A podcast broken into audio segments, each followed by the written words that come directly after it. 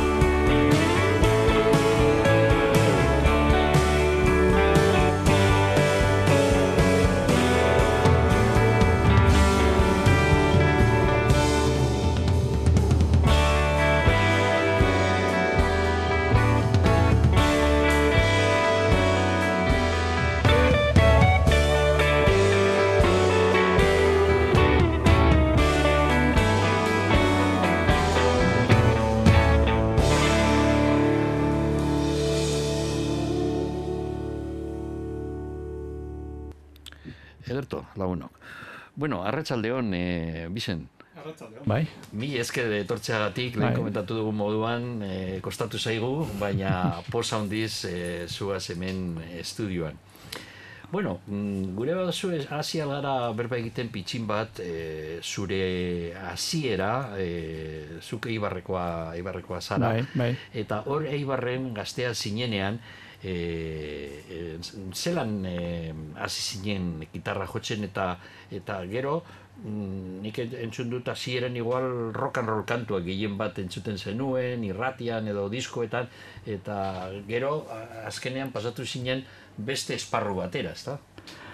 Uf, ze kontu zarra, ia, ia, nahiz akordatzen. Pues, eh, zenbat pasatu dire, berrogei asko, asko, asko, gehiegi. Zaharro gehiegi. gara biok.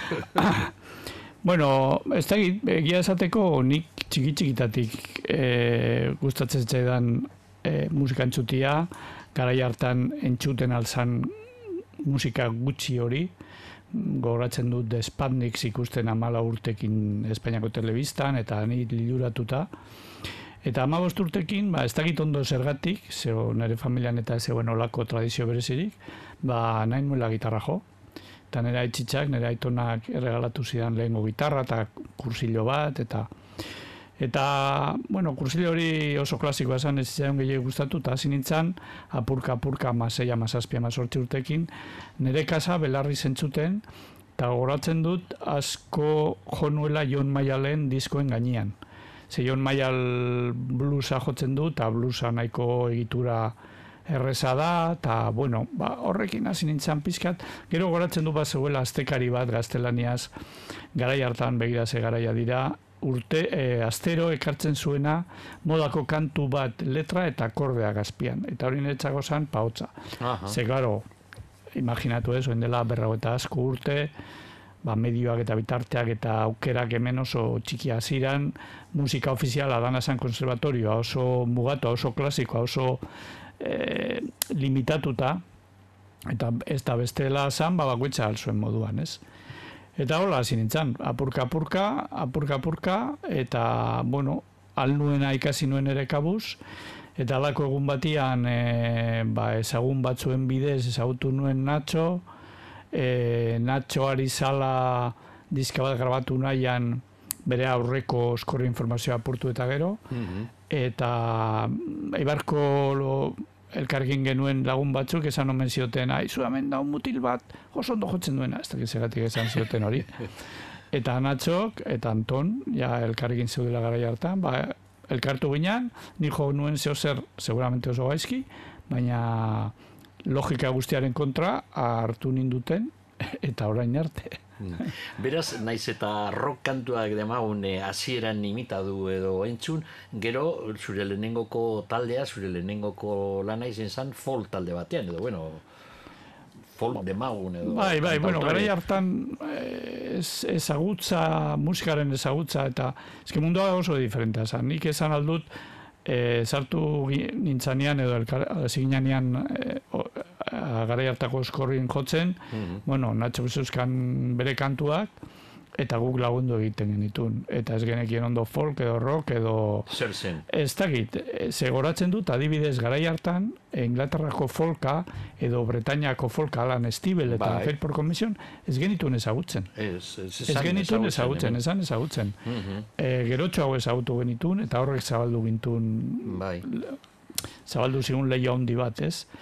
Eta ni bai gogoratzen dut, ba, apur bat roka, apur bat e, ez dakit motz edo zerbait gehiago nahi nuela, eta ba, asko a- anuen guztitan joaten nintzala donostiako jasaldira, Aha. garai hartako, Bai. horrek ere ba, diska batzuk heltzen ziran, eta en fin, bueno, garai oso ezberdina dira eta zaila da Mm. saltzea, baina, bueno, nolabait esan daiteke basamortu, kulturako basamortu baten erdian al bezala ibiltzen ginela, ez. Beraz, oskorrin hasieran igual abia puntua zain gehiago hitzak, ez da, e, olerkiak, poemak, Bueno, kantuak, hitzak ez kantuak.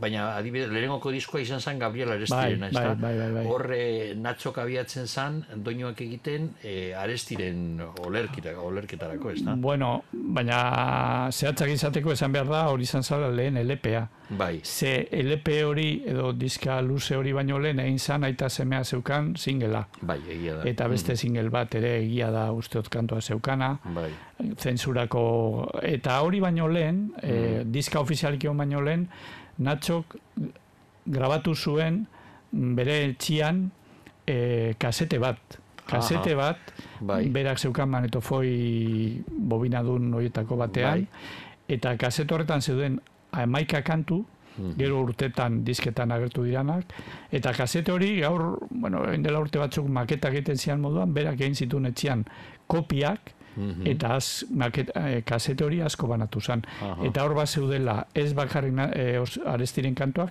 baizik eta eh, aita semeak eta en fin, a- iturri ezberdinetako kantuak. Kantuak. Bai. Bueno, Vicente, ba, entzungo dugu kantu bat oskorrerena, garai hartakoa, hau bigarren, entzungo dugun kantua bigarren grabazioan, L, bigarren LP-an agertu zen, lehenengoko izan zen Gabriel Arestiena, eta bigarrena Mosen Bernat Etxepareren hitzekin egindakoa, eta bertan, e, bertatik entzungo dugu hirugarren kantua, Doktrina Kristiana izenekoa, ze kantu honetan doinua zuk egin zen. Bai, ala, bai. Jangoikoak nola duen bat bedera formatu. Bere irudi propilara gure harima kreatu. Memoriaz borondatez adimenduz hornitu. Mutil batek zere bitzutan badara maurutila Soldatatxu bategatik hartzen penan dila Jangoikuak behar luke guk bezain bat balila. Zerbitzatu behar dugu eman dezan gloria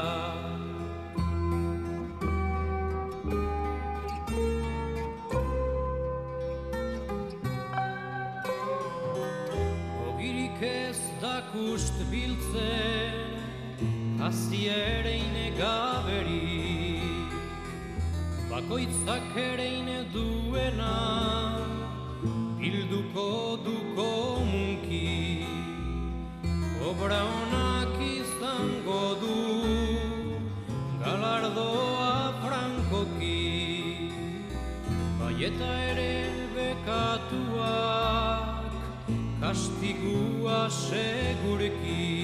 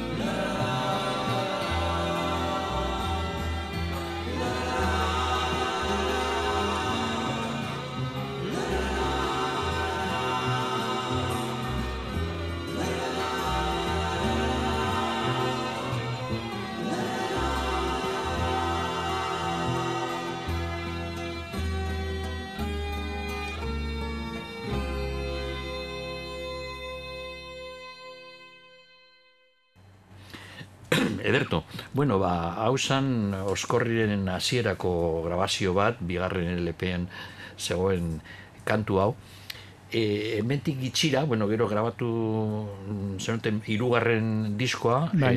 e, bikoitza, Bai. eta e, momentu horretan erabeki e, zendunzuk sartzea beste talde batean. Bai. Martxan zegoen e, Beste talde Eibarreko, batean. Eibarreko Bai, talde batean. Bai. Bai, bueno, ba, nik eh, egin genituen oskorriko Nacho Tantonekin eta beste lagunekin hiru diska, eta lako batean, ba, nik sentitu nuen, nahi nuela pur bat mundua ikusi, ikusi musikaren beste aurpegi batzuk, gauzak egiteko beste modu bat, eta justu nire parian zegoen, izukaitz taldea hor bertan zeudelako ibarko lagun batzuk, tartean nire anaia ere, beraiek euki zuten olako krisi bat formazioan, batzuk utzi zutela eta, eta bueno, sartu nintzani, eta egin genuen diska bat, otsoa dantzan izenekoa, e, xoxoa etxearekin garai hartan, egin genituen kontzertu asko, e, mugitu ginean, baina bueno, alako batean e, bertan zegoen jende batzuk, ba, erabaki behar izan zuten musikara dedikatu, edo beste gauzetara, Mm. ba, urte horietan, ez gazte aroaren urte horietan pasatzen dan bezala, ez? Ba, batzuk nik adibidez gargi nuen musikari izan nuela, baina beste batzuk ez. Bueno, eta holako krisi bat egon zan. Eta orduan izukaiz desegin zan, eta berriro etorri ziran Nacho Tanton, esatera ber nahi nuen berriro sartu eskorrin, Frank Lasuenekin batera. Eta bueno, hortik aurrera. Isto. Aha. Bueno, izu, izukaitzen, e, izukaitzen kontuan nahiko iku- ikusten zaina beste eragin batzuk, ez da, igual e, Inglaterratik etorri ziren ez dakit zuek e, konstienteki e, egin zenuten edo, pues ez dakit Fairport edo Estilai Span, Jun Tabor, bueno, horako gauzak oinarritzen ziren e, herri kantuetan, baina joaten ziren hortik arago egiteko zeo zer e, atseginagoa demagun gazteintzako. Bueno, bai, justo garai hartan hasi ginen ezagutzen eh, Bretaña hondiko eta Frantziako folka eta e, hori oso importante izan zen, bai oskorrin geundela eta bai zukaitzen, ez? Nik ez dakit hain zientifikoa edo hain meditatua izan zala gauza, ez? Nik ikusi nuen talde bat gustatzen zaidan aukera nuen sartzeko eta oskorrina ba nahi nuen, ez dakit, lehen esan dudana, bizka mundua ikusi, ez? Bai, bai. Eh, ez dakit. Eta, baina egia da esaten duzun bezala, bai, zukaitzek bazuela garai hartan, e, zaugarri musikal batzuk interesanteak niretzako, ba, Frane jotzen zuen biolina, Odile jotzen zuen teklatua, nire naia jotzen zituen e, flauta, saxoa, Bai. eta bueno, inquietude musikal handiak zeuden, gauza ezberdinak egiteko, egiteko kantuak ez hain oinarrituak tekstuan, edo oskorrin ere, eh, hala izan da, ez? Bai, Ba, bueno, bai. izukatzen beste kolore bat zegoen, eta bueno, ba, ba erabaki hori hartu nuen, eta, bueno, ba, Eta arra, arrakastatxoa izin zen. Orain entzungo du kantu bat, de bai, izukaitzek zuk esan duzun moduan kontzertu asko, e, ka- askotan parte hartu zenuten, eta, eta nigo horatzen naiz e, kontzerturen baten egondakoa arrakastatxoa izin zen, zuzenean. E, gainera nik uste dut izin zen momentu bat e, eta momentu hartan jendea asko mugitzen zen Bai, kontzertuetara. Izan zen e, estanda bat e, e, ezer ez zegoen aurretik eta bapatean agertu bai. ziren taldeak eta izin zen e, kriston giroa zegoen garaia. Bueno, ba, entzungo dugu, pasaren astean, programa honetan be, ipini gendun e, izukaitzen kantu bat, e, kasualidadez, e, e, nik ez nekien etorriko zinela ondino, oain bihazti izin zen hori. Eta e, single bat, nik bigarren LPA, ze bi grabatu zuten izukaitzek, eta Vicente sartu zen bigarrenean. Eta LP hori desagertu zitzaidan aspaldian, garai hartan, ia, eta single bat e, badekot gordeta, eta hortik B aldea entzungo dugu. Hor dago, e, da medley bat nolabait, e, katu baltza izeneko doinue, gehitzalo, pintxalo izenekoa. Laro gehian izin zan, hause, mila bedatzerun eta laro gehian kaleratu zan, izukaitzen bigarren LPan, LPA, eta bertan zegoen entzungo dugun kantua.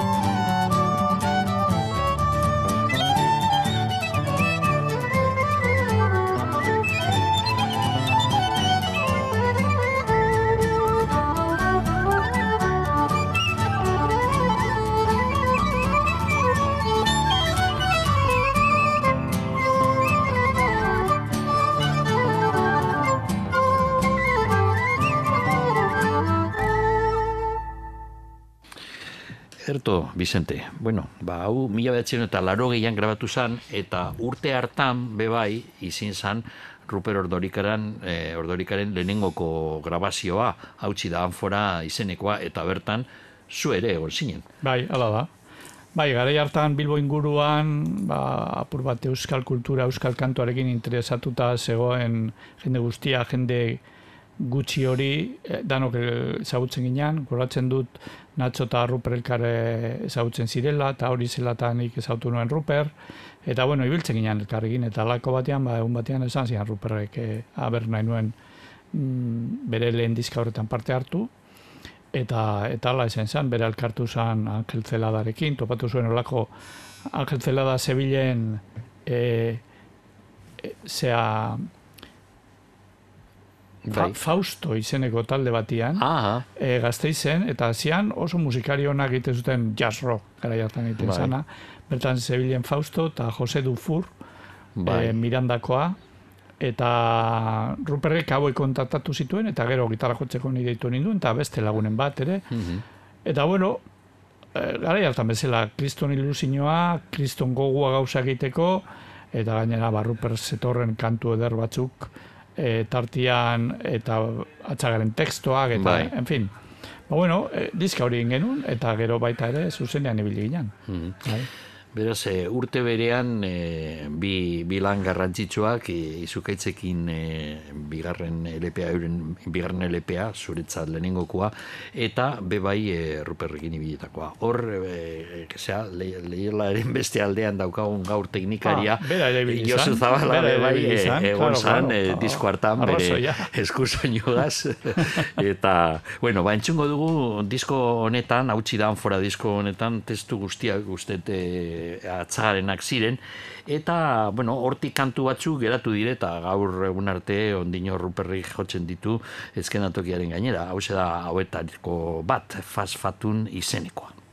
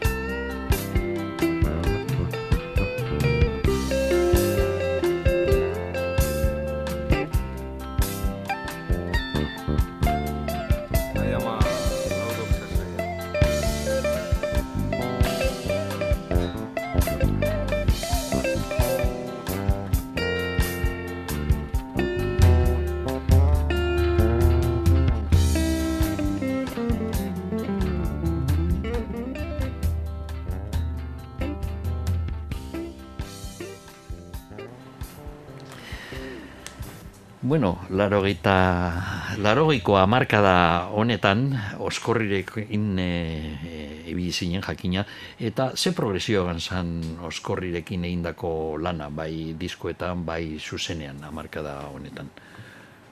Buf, ze galdera zaila.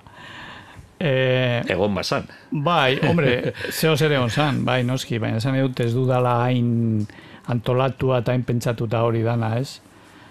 Ez dakit, gogoratzen dut, ba, egon zirela aldaketa batzuk taldean, eta a, gogoratzen dut ere, ba, aldaketen motiboa edo al- a- e, zergatia beti izaten zala, zeinek nahi zuen musikan serio jarraitu eta zeinek ez. Aha, Ez?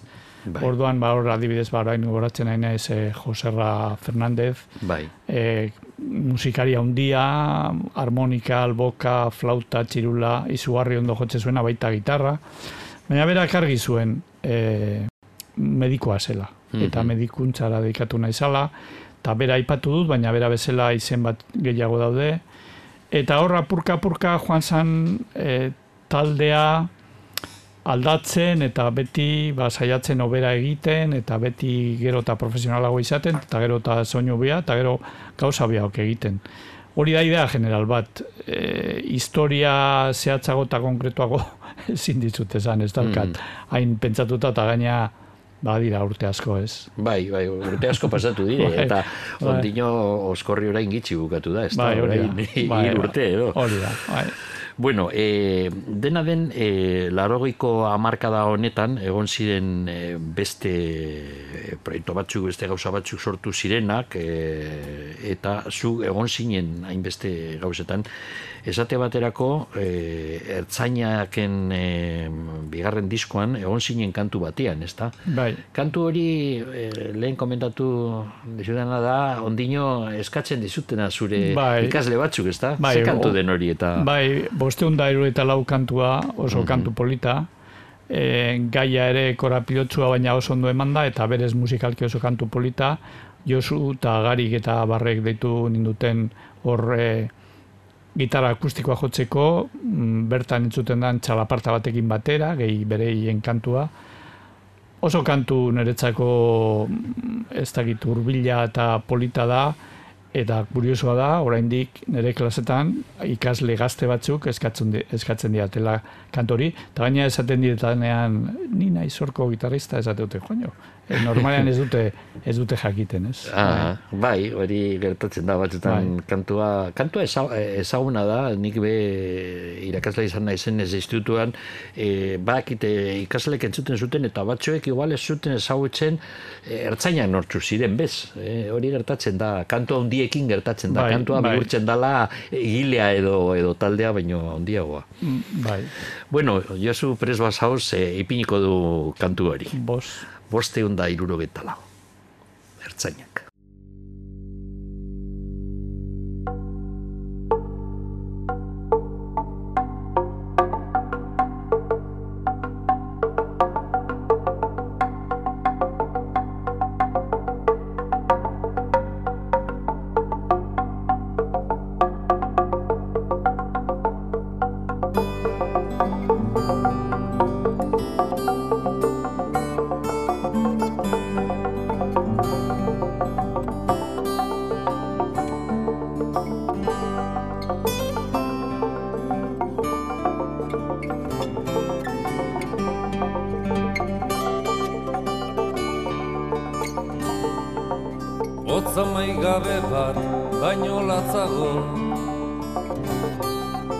Ta urteak egun baino gehiago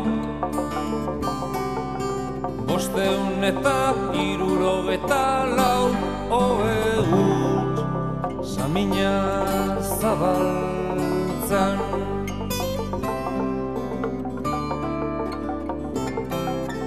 Batzuen ustez ordaintzen Dagokien zigorra Maite duten entzat berriz Askatasun naizea. Baina hori norkulertarazi etxean zai bakarrik denari. Bosteun eta iruro eta lau taupada Gehiago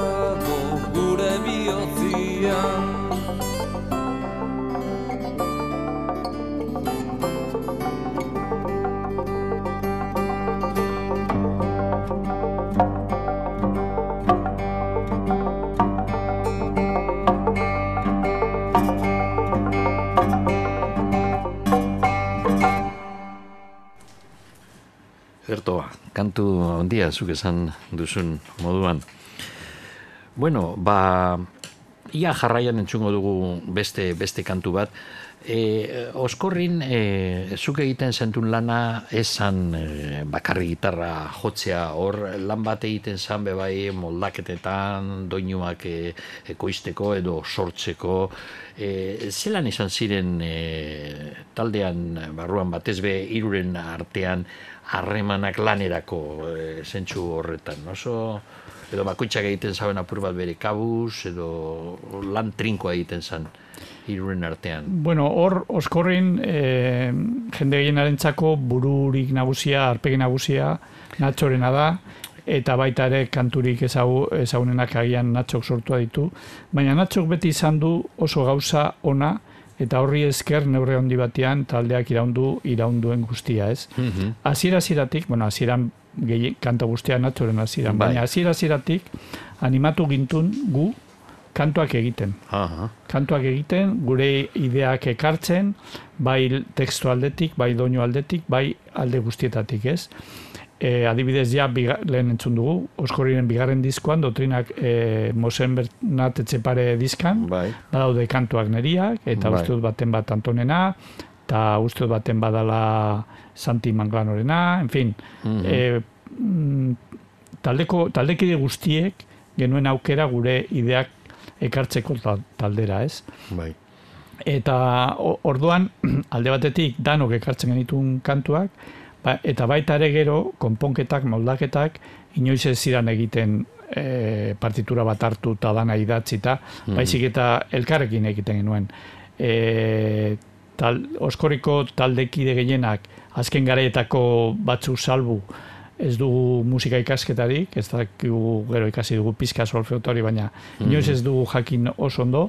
Orduan dana egiten genuen belarriz, proba esaten duten, ez? E, e, prueba error, ez? Probatu, Bai, bai, bai. probatu hau ez, probatu hau bai.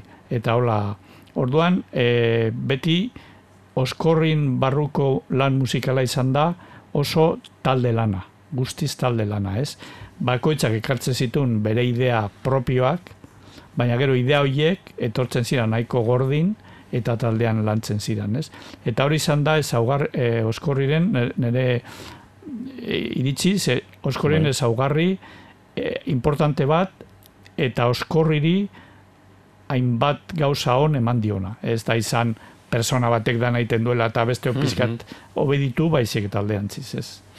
Ederto, ba, bueno, ba, entzungo dugu, beste kantu bat, zuk esan eh, duzunarekin lotute, e, badok amairu, amairu diskoan e, agertzen zan kantua, Jon Sarazuak hitzak eta zuk egin zendun doinua. Hau da, mode.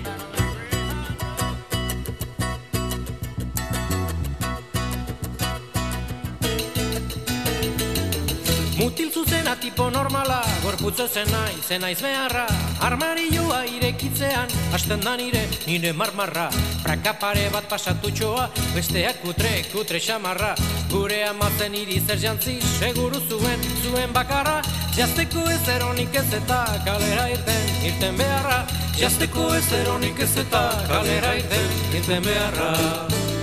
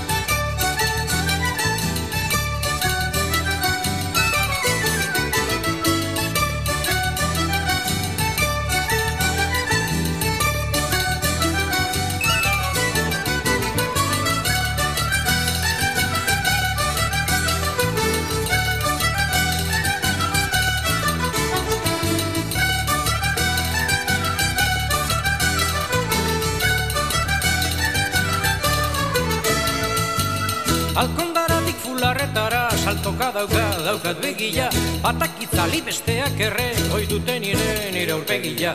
Nabarmentxoa hotza motela Iluna eta eta argila Izpilu oker traidore horrek Non dauka bere bere egia. Alde batera neutroanago Bestera sexy sexy egia. Alde batera neutroanago Bestera sexy sexy egia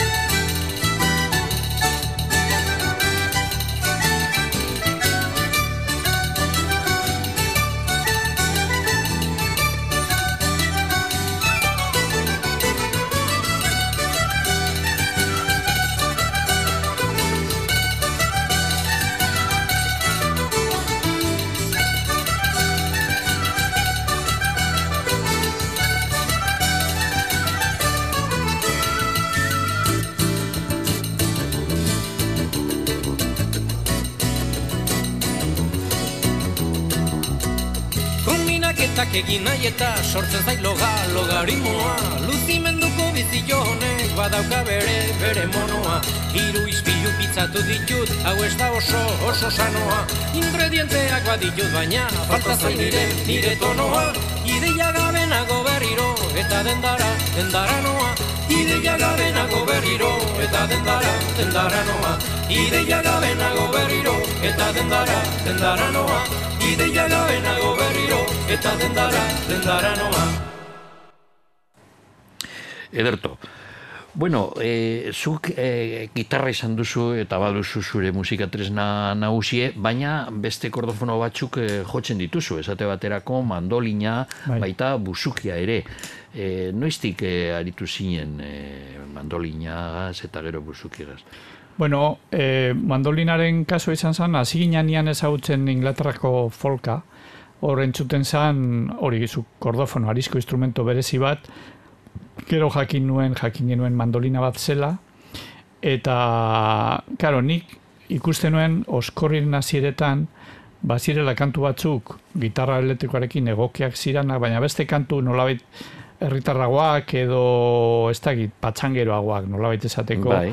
ba gitarrak ez eukala grazia hondirik eta nik beste kolore bat nahi nuen, beste instrumentoren bat eta hola kasualidades ez dakit e, nunbait dendaren batean ez dakit nola topatu nuen e, mandolina italiano bat e, ipurdi handia duten horietako Bai. bat Eta horrekin hasi nintzen pizka probatzen, pizkate nere kasa beti bezala e, ikasten gogoratzen dut, begira, e, agian Bilboko batzuk ezagutu gute, gogoratu gute, e, bueno, urte askotan e, radio 40 principalesen ibilitako Carlos Arco. Ah, bai. Carlos Arco, ekarri zidan Londresetik mandolina metodo bat. Aha. Oe, mesede hain zidan. Bai. Eta, bueno, horrekin eta belarriz eta betikua, e, eta, bueno, mandolina hori ja agertzen da e, Mosen Bernat Etxeparen kantuan. Uste dut ja zeo zer, eta hurrengo akordeoiaren oskorriren doblean, bikoitzan, ere agertzen da. Eta, bueno, handik urte batzutara ere, ba, bueno, topatu nuen buzukia, ja, dala pizkat mandolinaren tankerako beste instrumento bat. Beti asmoa da, ba, kolorea gehitzea, edo Mhm. e- eta baita ere segun ze kantuari segun ze komeni zaion gehiago ba, e, aukera horiek eukitzea ez? Mhm. hortik. Bueno, be, gero entzungo dugu e, e, hiru truku hor buzukia ere badago, baina mm, aurretik beste kantu bat entzungo dugu, naiz eta kronologikoki berandoagoa izan grabazioa, e, Leonen horroak izan zan Ibon Konteron e, zera, e, Alboka Jolea eta Kepa Junkera e, eskusoinu joleak e, egin zuten e, e, grabazioa, larogeta amaseian izin zan hau, eta zube egon zinen hemen e, kantu batean, e, Leonen horroak e, gainera e, izeneko pieza honetan zuk egon zinen, eta buzukiarekin gainera.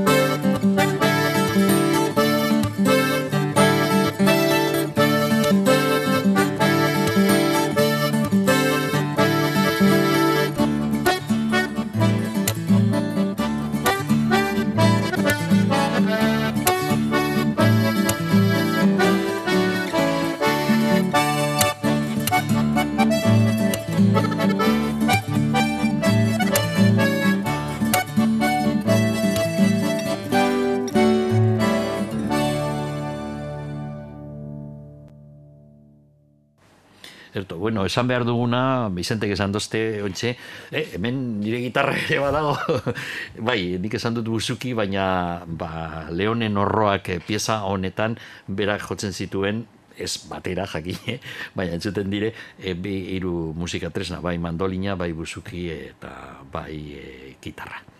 Bueno, orain hitz egingo dugu beste talde bati buruz, nik uste dut bebai garrantzitsu izin dela zure ibilbidean eta talde hori da hiru truku. E, Joseba Tapiak, e, Ruper Ordorika eta zuzeuk e, osatu zuten hirukotea eta oso arrakastatxua gainera, hiru basinoak egin ziren, lehenengoko alarogeita malauan, bigarrena alarogeita maseian eta gero hirugarrena beranduago Nafarroko kantuekin.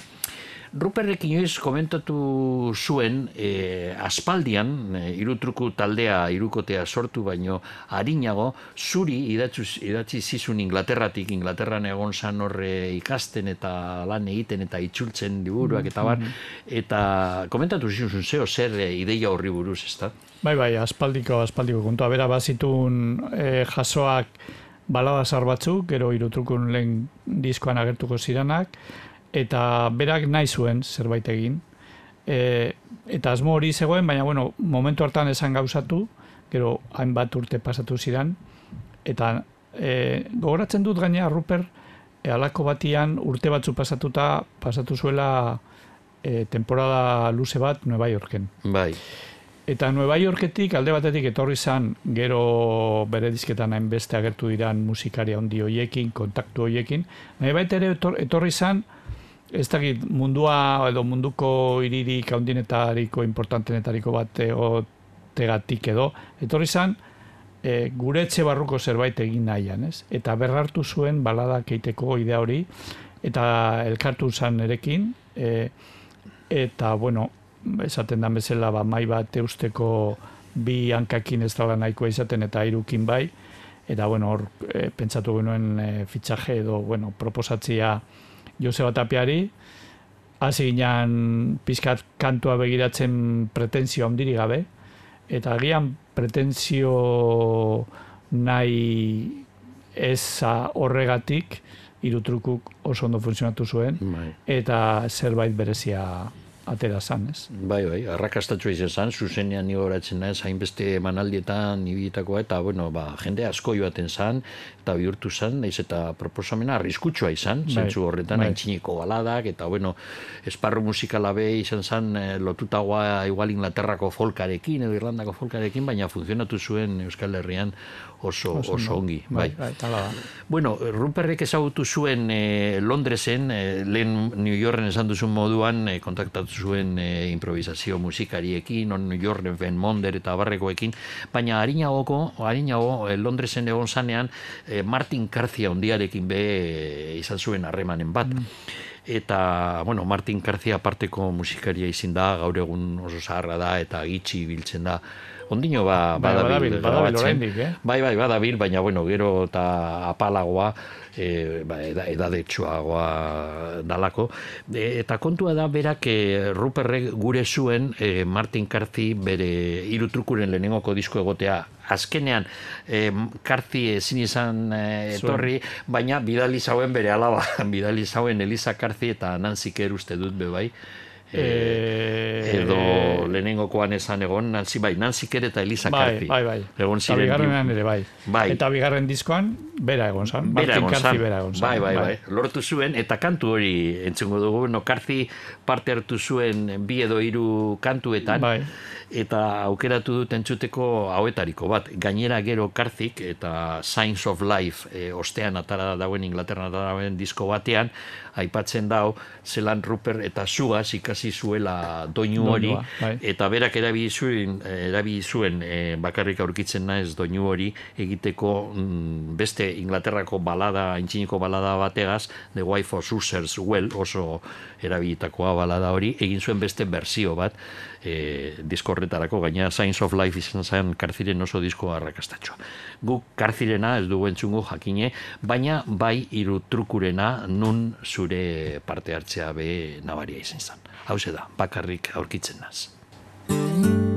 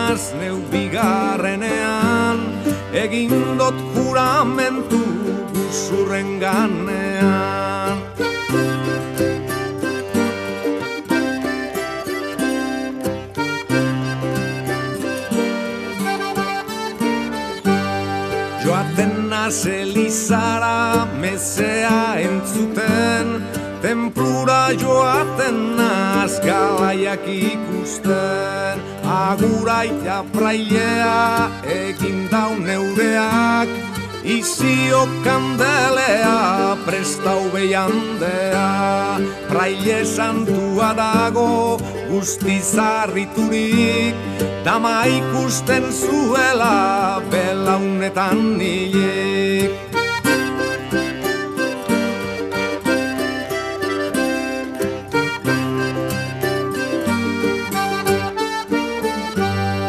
Espankora lederrak ondo lurreginik Begi zuri ederrak guztiz ezaindurik Dama ikusten zuela belaunetan hilik. Begi zuri ederrak guztiz ezaindurik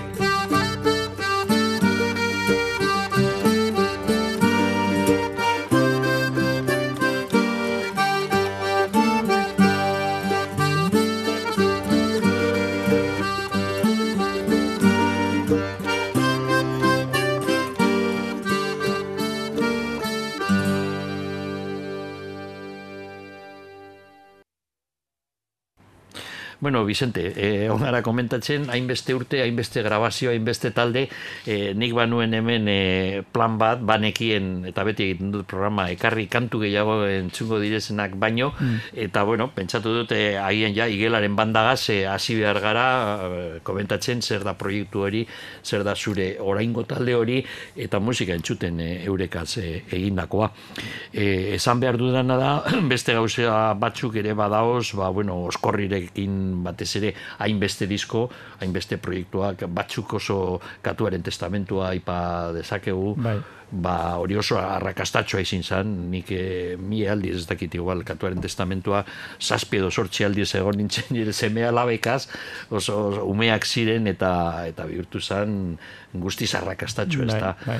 Hori. Gero, ba bueno, Ruperrekin e- e- egon zinen bebai zuzenean, hemen kafean txokean grabatu zen disko horretan, pare bat kantuetan, e, egon zinen e, bebai, e, zera, beste, beste gauzetaz, baina, e, zera, e, kepa junkerarekin, Baita, kepa junkera, claro, ezagutu zendun, segurazki, Oskorri, oskorri bitartez. Bai. Eta lehenengoko diskuetan egon zinen Bai, beste bai. kantuetan, baina Bai. ez daukagu denbora guztietarako. Eta nik uste dut, igelaren banda lehenengoko diskoa 2000 eta batekoa izin zen, ja, pasatu diri urteak, eh? Bai.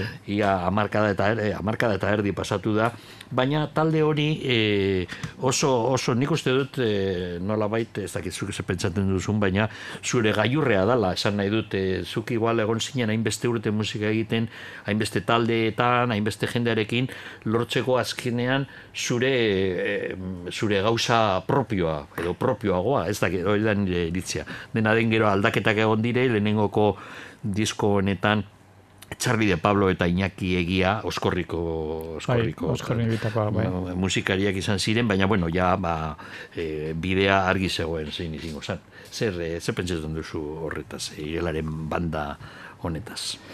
Bueno, eh, kontua da, claro, ni, ni naiz kantaria, ez? Eta orduan nik bizi guztia egon naiz hainbat kantaria ondirekin, hainbat taldetan irutruko aipatu dugu oskorri eta bar, eta bueno, nik hor dana ikasi dut, ez? Ez bakarrik musikaz, baizik eta bizitzaz, ere bai, ez? Oskorri izan da niretzako bizitzaren unibertsitatea, ez?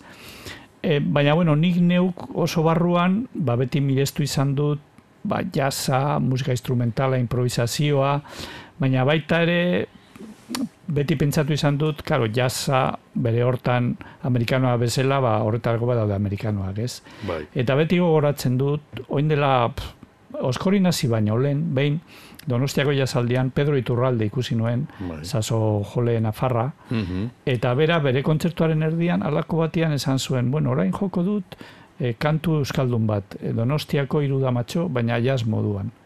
Eta beti goratzen du, zeura izan zen momentu berezi ban eretzako, zikusen, koño, egin daiteke haure, bai, hartu Mhm. hemengo kantu bat, eta egin modu jazero batean, modu ezberdin batean, ez? Ta hori izan zen lehenengo printza edo lehenengo e, txipristina e, nigan sartu zana, ez?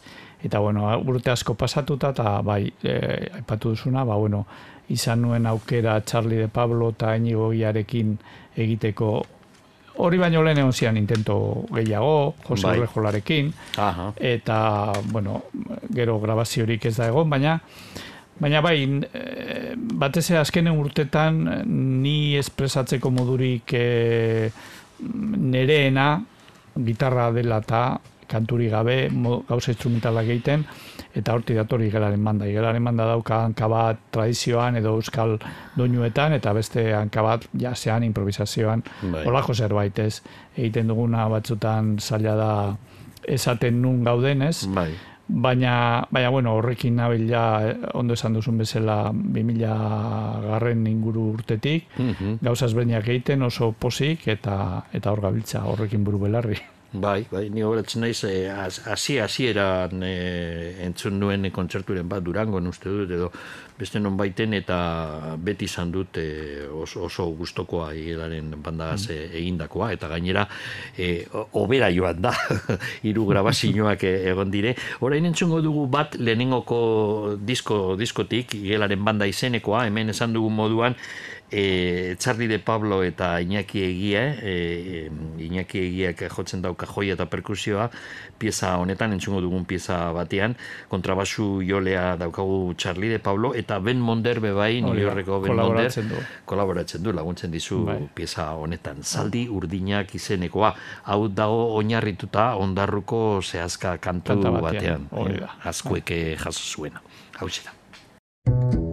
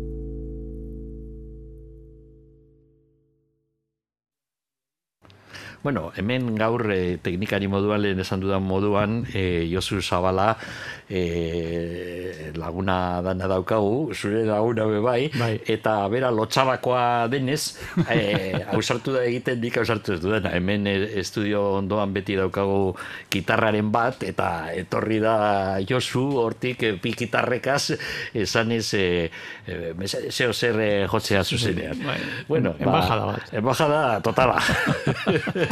Baina, horrelakoa da Josu. bueno, eh, Vicente, nik eh, pentsatzen nuen entzutea, eta gero entzungo dugu, beste beste kantu bat disko honetatik, baina bitartean eh, Josu, Josu eh, Josu, esandakoa. Josu eskatu- ez esarratzeko. Ez zarratzeko, zeo zer egingo duzu, eh, zuzenean. Bueno, Josu, baina jarriko duzu orain sonido maravillosoa, ez? bueno, a ver. Hau bai dala improvisatua, eh?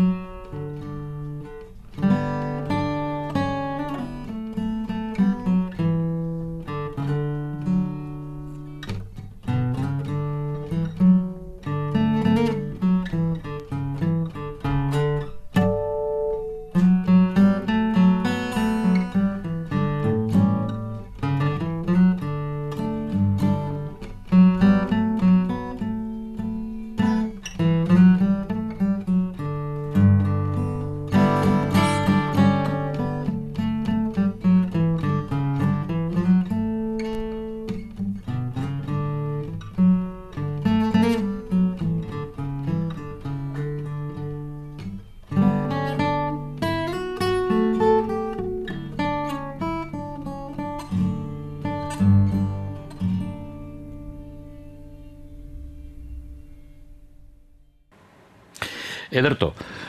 Bueno, ba, e, be- beste kantu bat entzun nahi nuen e, disko honetatik. Hemen dago kantu bat e, etzeko parrekin e, egindakoa, berak e, xirula eta txuntxunekin. Aurkeztu apur bat e, kantu hori. Bai, mesedez. hau da e, Lusaide ko dantza bat, badago liburu bat oso polita lusaideko dantza askorekin, eta bueno, hortik hartu genuen doinua, eta proposatu genuen Michel Etxeko parri e, apur bat gure estilora sartu, oso ondo sartu zen, esan nahi dut, azten gara doinua egiten, baina gero ibiltzen gara ez dakigu ondo nundik, ez, improvisatzen, momentuan sortzen, eta hola sortu zen, hola sortu zen, ez daka misterio handirik, oinarritu egiten da, aulkidantza ditzen da, ze uste dut berez, erabiltzen dela bakizuen hola dan ume joku hori, nun zazpi aulki eta sortzi Bai. persona dauden, Bai. e, dantzan ibiltzen dianak aulkin inguruan, eta gero joaten da, e, dantza, osea, aulki bat kentzen, Kentzen, eta bai, bai. joku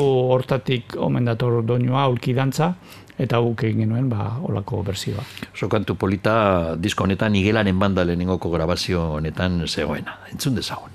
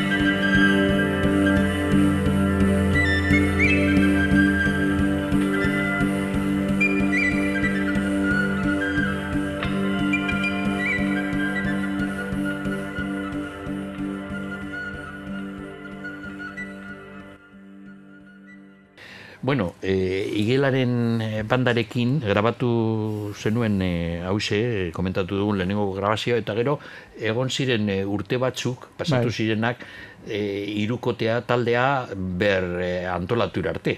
Bai, bai, hori hala da, bai.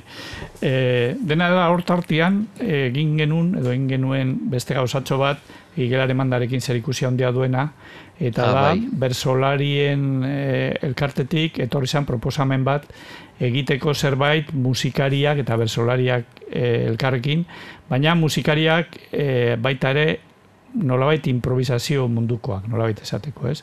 Eta hortu hortik sortu zen bersoiaz izeneko egitasmo, hori e, Donostiako jazaldian egin zan uste lehen aldiz 2008an, esango nukenik, eta hor mm, bat zeuden musikari batzuk gero igelaren mandan partu hart- hartuko zutenak, adibidez aziroleaga bateri jolea, baita Julen Izarra, eta zieritu arte ondarruarra, Jon Piriz e, kontrabazio jolea, Mhm. gehi bersolari batzukin, eta hori eman dezagun izan zala igelaren bandaren aria mantendu zuen zerbait, ez? Bai. E, hori egin zan, e, egon ginen emanaldi batzuk egiten, hemen kafean txokian egon ginen ere bai. Eta horren ostean, ba, Sarosko jende batek proposatu zian, aizu, bixen, zergatik ez dozu zerbait egiten? Hola, ez, bera zeukaten e, olako klub e, batian, e, taberna batian egiten zuten hilero zerbait, Eta bueno, proposatu nion aziroleagari, bersoia sontatik ezautzen nuena, zerbait eiteko, eta baita ere, mm, zarotzen bertan bizian Mallorca jarabile kontrabasu jolea, e, orekatekiz, benitorekin hainbat mobidetan ibiltzen dana, eta biai proposatu nien, eta esan nien, begira, segatik ez dugu probatzen kontzertu bat egiten, haber zeateatzen, zeateatzen dan. Eta bueno, eta zan oso gustukoa izan genuen, jendeak ere gustukoa izan zuen, eta orain arte. E, hori izan zen uste dut 2000 eta e, marrean edo hola, oin dela 6 urte, eta orain arte gaude irurok, bai? Erto, bueno, ba, hortik be, kantu, kantu bat e, entzungo dugu, hau da, e, kantu ezagun bat zan, e, laboaren ibilbidean, martza baten lehen notak, Josan Artze eta Mikel Laboak egin zutena, eta ba, mm, igelaren bandan bigarren disko honetan zegoen kantua ere. Hori da entzungo dugun urrengoko.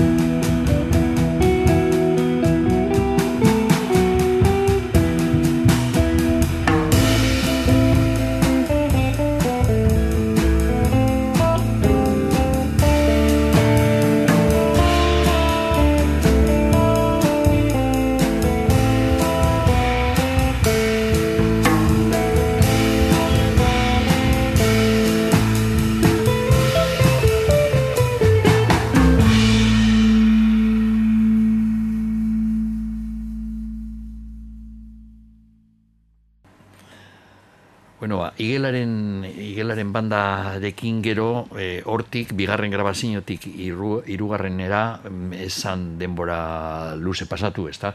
Eta berriro formazioa berbera, ja, iruko teoria, ziroleaga, maiun jarabilekin egindakoa, trinkoa mantendu da, eta hirugarren e, grabazioa, orain urte pare bat edo, kaleratu Bai, zana, izugarri polita izu, e, iruditu zitzaidan, eta asko ibili zarete gainera zuzenean, ezta? Bai, bai, hala da. Bai, Debalde Festa deitzen da, azken diska hau, e, lehen aipatu dudan bezala, eta azken urtetan ba, nahiko harremana izan dut bersolaritzarekin, bersolari askorekin, eta ba, bueno, okuritu zitzaigun polita izango zala, berso doinu batzuk hartzea, baina gure modura ekartzea, ez? Nolabait esatia, e, nolabait bersoak eitea, baina itzi gabe, ez? Bersoak musikarekin. E, ze bersolariek erabiltzen duten doinu gehien gehien gehienak oso polita dira, eta oso egokiak desarrollatzeko historia bat kontatzeko, ez?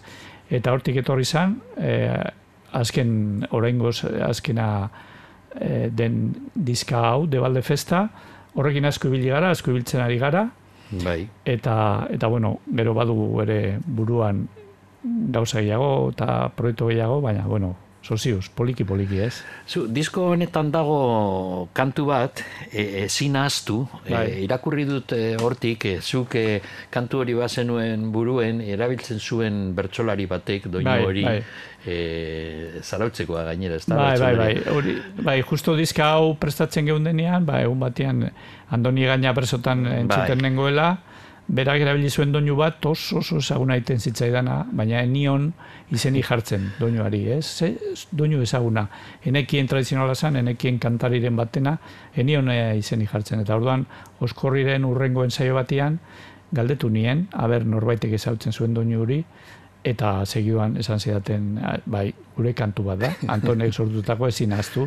Ba, kantu eder bat urtetan jo gabe genuena, eta horregatik nire ganbaran zegoen, baina e, pizkatatzian, ez? Eta, bueno, kantu eder bat da, eta doinu horrekin egin dugu, e, diska honetan berzio hori ezin ahaztu, bai. Ba, ba, kantu hori ere entzungo dugu, hau da aipatu duzuna, ezin ahaztu.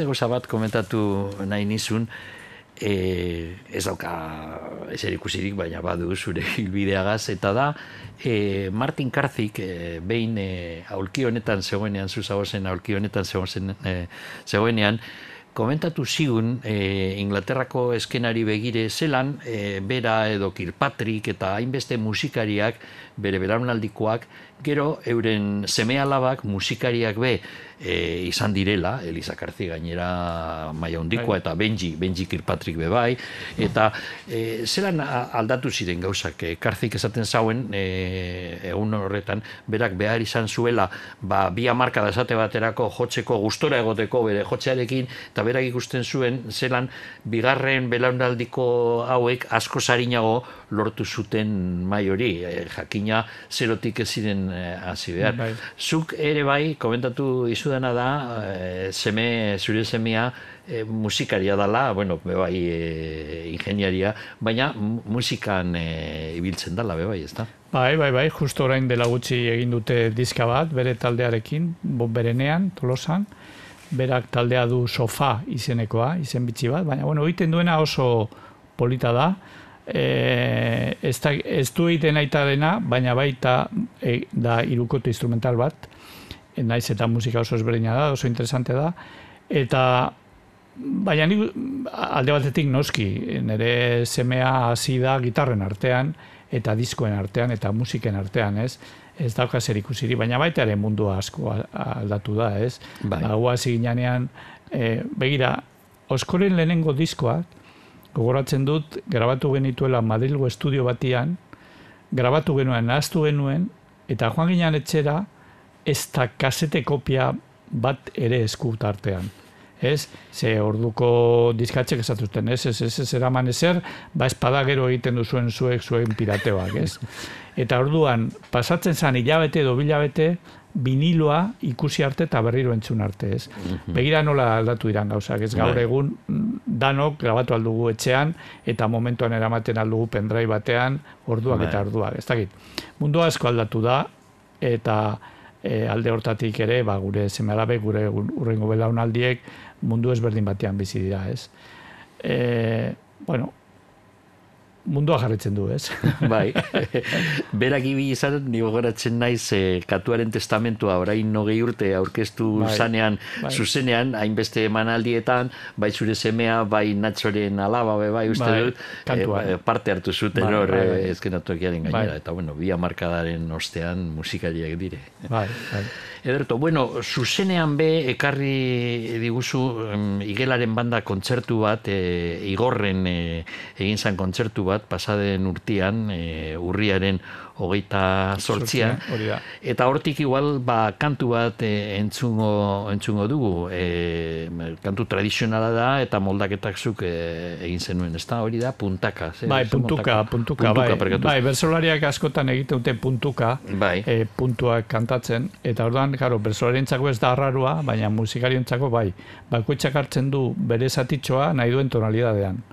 Ez, bat ere logika musikali gabe. Baina gero, ikusten da, egoten dela logika musikal txiki bat, eta bueno, ba, itzaki horrekin mm, moldatu genuen puntuka kantu hau, ez, hortik dator. Bueno, ba, entzungo dugu kantu hori bebai, ze azken finean, naiz eta estudioetan grabatu igelaren bandaren diskoak, e, mm, esan nahi duena da, musika hau zuzenerakoa da, improvisazio musika zuzenerako batez ere aproposa tenez. Eta, Bueno, hombre, saiatzen gara ere diskak txukunak izaten, ez? Bueno, baina, eta badire, baina, badire. baina diskoak egia da esaten duzuna, diskak eh, hartu behar dira grabazio egun horretako kontzertua bezala, ez gero urrengo kontzertuak ez dira berdin berdinak izaten, ez? Eta igual luzeagoak dire batxutan zuen Batzutan, bai. interpretazioak e, Ja, bai. zerean. Bueno, ba, Li- entzun, libre- modu libreago jotzen dugu, ez? entzungo dugu hori bebai zuzenean.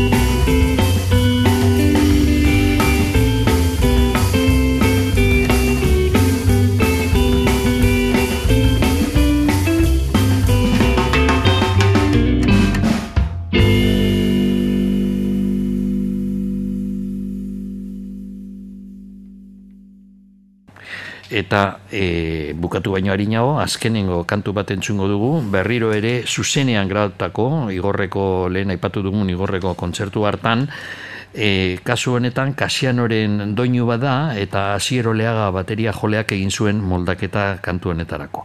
Hauek dire igelaren banda zuzenean eta kantua eskatu egio San Antoniori.